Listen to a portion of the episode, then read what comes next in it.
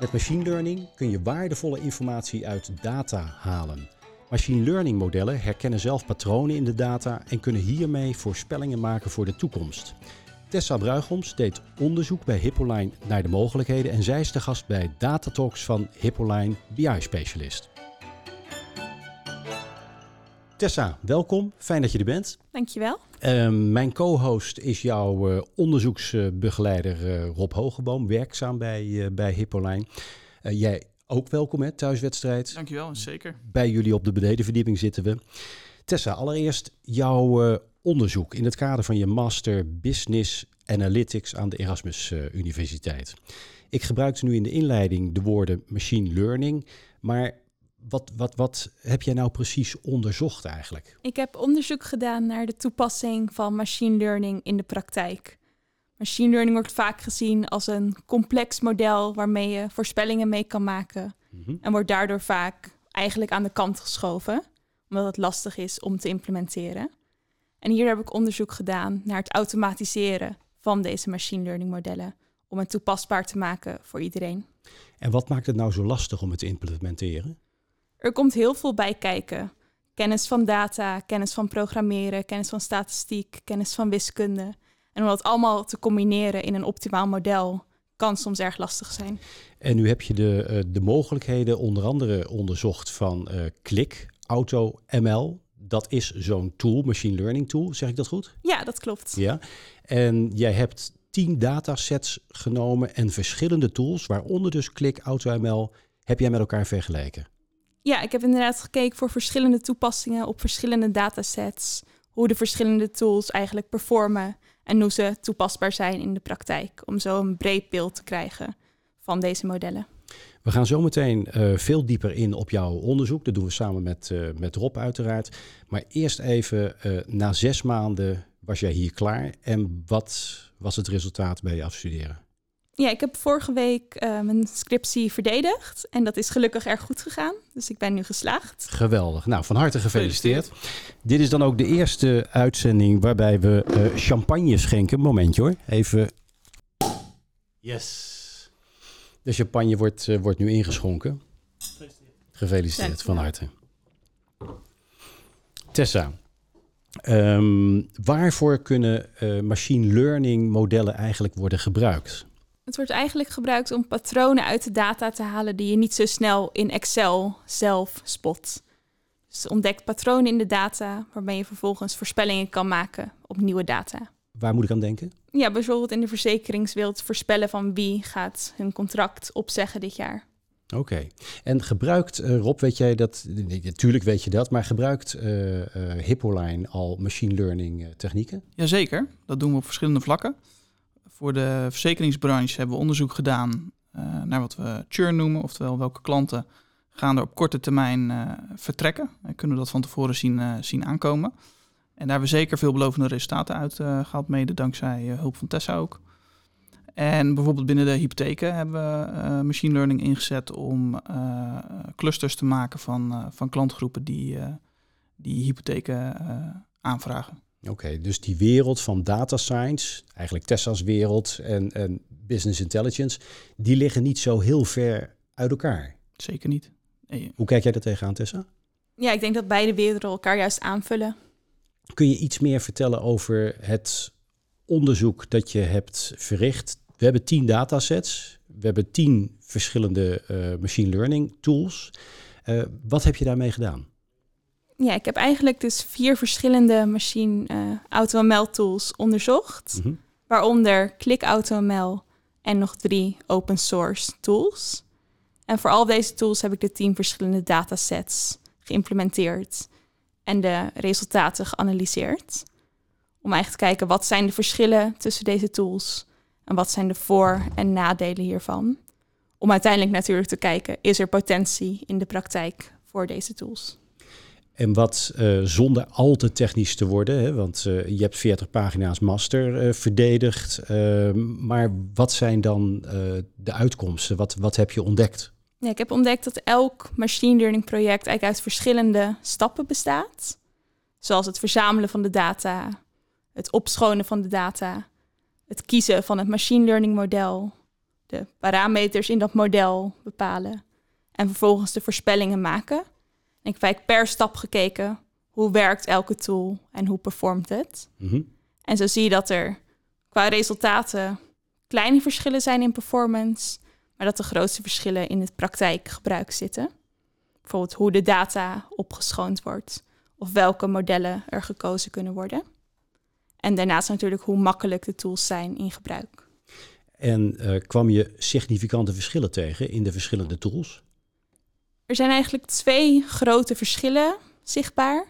Als eerste in de performance zie je verschillen van procentpunten in bijvoorbeeld hoe accuraat ze voorspellen. En het tweede grote verschil zit echt in het gebruik. Dus is er programmeerkennis nodig, maar ook hoe lang duurt het voordat de machine learning modellen allemaal gerund zijn. En op het eerste zeg je van dat zijn procentpunten op performance, maar uh, om het te kunnen gebruiken, dat is nog een, daar zit het grote verschil. Ja, ik merk dat voor de open source tools, deze vinden plaats in R of in Python. Dan moet je wel wat kunnen.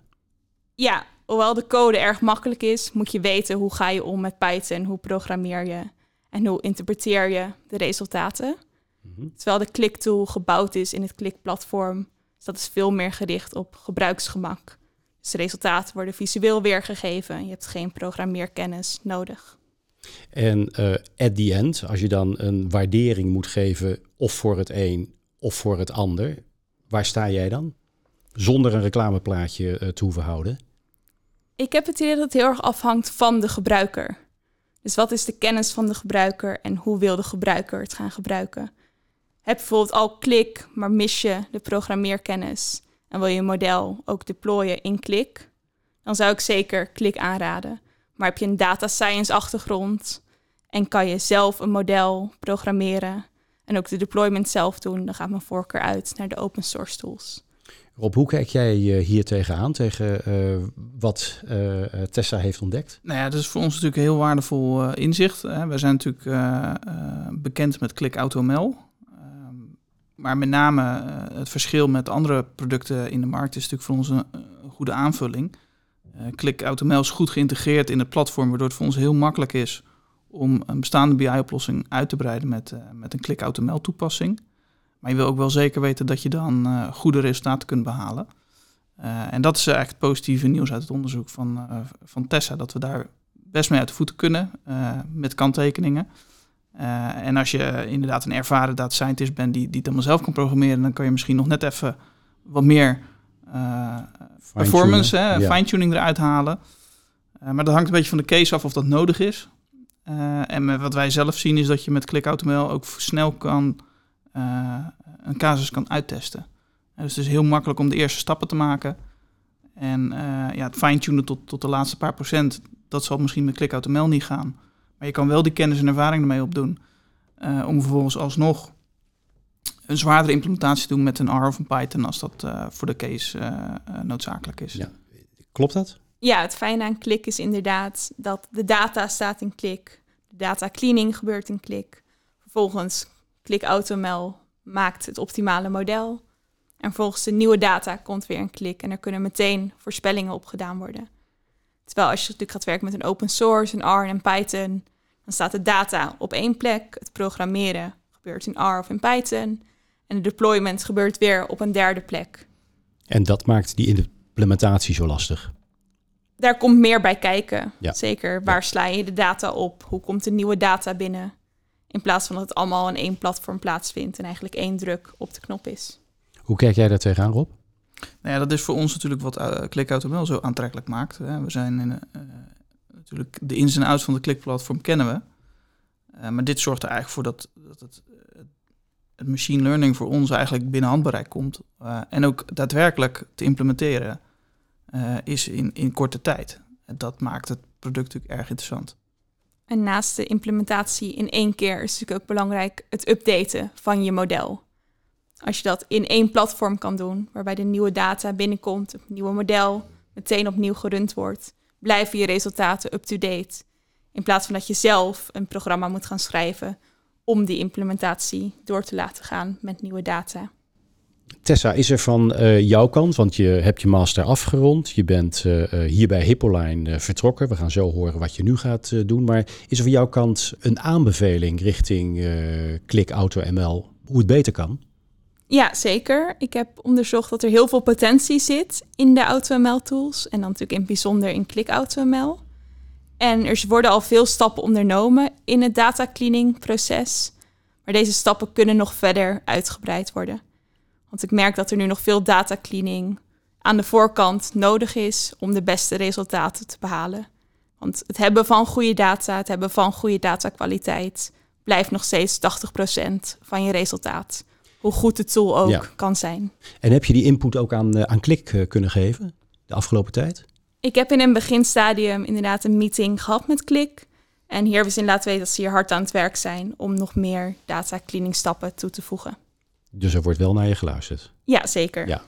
En Rob, wat, wat kun jij overal als begeleider uh, zeggen over het, uh, over het onderzoek? Heeft het uh, jou, heeft het Hippoline geholpen? Zeker. Ik denk dat het voor ons vooral een stuk bevestiging is van wat wij vermoeden. Het is nu daadwerkelijk serieus onderzocht van nou wat zijn de verschillen, de aandachtspunten. En zeker ook ja, de, de, les die er weer uitkomt, is natuurlijk dat de kwaliteit van je data heel bepalend is voor wat je met machine learning kan. Dat wisten wij al uit onze ervaring vanuit uh, het BI-gedeelte. En dat kom je in de praktijk tegen dat de data altijd nog verbeterd kan worden, beter aangevuld, geactualiseerd, noem maar op. En dat geldt bij machine learning eigenlijk nog steeds en misschien nog wel meer. Ja. Dat dat enorm bepalend is voor de uiteindelijke waarde die je eruit kunt halen. Uh, dus ja, dat is voor ons een bevestiging van wat wij eigenlijk ook wel wisten. Um, maar het is fijn om dat nu op deze manier gestaafd hebben. Tessa, nog enkele vragen. Jij hebt je master afgerond met, met succes. Klik heb je op de hoogte gebracht van de mogelijkheden. Hippoline doet er zijn voordeel bij. Wat, wat gebeurt er wetenschappelijk gezien met jouw onderzoek? Ja, ik denk dat mijn onderzoek vooral een beginstap is. Dus ik heb geconstateerd dat er potentie is en dat er op bepaalde gebieden, waaronder data cleaning, nog veel verbetering mogelijk is. Dus eigenlijk een beginstap naar meer onderzoek. Maar wat, wat kunnen toekomstige studenten of wetenschappers daar, uh, daarmee doen? Ja, is inderdaad online via de universiteit beschikbaar. En ze kunnen inderdaad eh, vanaf mijn scriptie zien waar is al onderzoek naar gedaan en ook welke gebieden verdienen nog meer aandacht en verbetering. En uh, last but not least, wat ga je nu doen? Want we drinken hier champagne, we vieren dat je uh, geslaagd bent, je hebt je kennis met, uh, met ons gedeeld, maar wat ga je doen nu? Ja, ik ga verder in de verzekeringswereld en ik ga een traineeship beginnen bij Allianz. En je hebt in een voorgesprek heb je aangegeven, ik ga me bezighouden bij Allianz met gezondheid, leven en met pensioenen. Dat zijn wel drie deelgebieden waar wel, wel wat gebeurt. Ja, zeker gezien. weten. En wat daagt, daagt jou daar zo in uit? Ik denk dat het een heel breed gebied is, waar kennis van data science nodig is, maar ook kennis van de actuele ontwikkelingen. En juist die samenvoeging uh, lijkt me heel erg interessant. Maar misschien ook een stukje ethiek. Ja. De, de, laat zeggen, er zit ook, uh, moet alles kunnen wat er mogelijk is. Uh, is, dat, is dat ook iets dat je belangstelling heeft? Ja, ik denk dat dat eigenlijk in elk machine learning model of dataoplossing wel komt kijken. En dat natuurlijk in gezondheid en leven nog een groter aspect heeft, ook door de sociale koppeling. Maar ik vind het belangrijk dat er aandacht voor is. En ik vind het ook leuk om daar meer onderzoek naar te doen. Helder. We wensen je alle succes bij, uh, bij Allianz. Ze halen een, uh, een grote in huis, zullen we zeggen. Veel plezier met je uh, traineeship-programma al daar. Daarmee zijn we aan het einde van deze editie van Data Talks met Tessa Bruigoms en Rob Hogeboom van Hippoline. Reageren vinden we leuk en dat kan via de website hippoline.nl. En daar kun je ook aangeven of je een melding wil ontvangen wanneer er een nieuwe aflevering voor je klaar staat. Bedankt voor het luisteren en graag tot de volgende keer.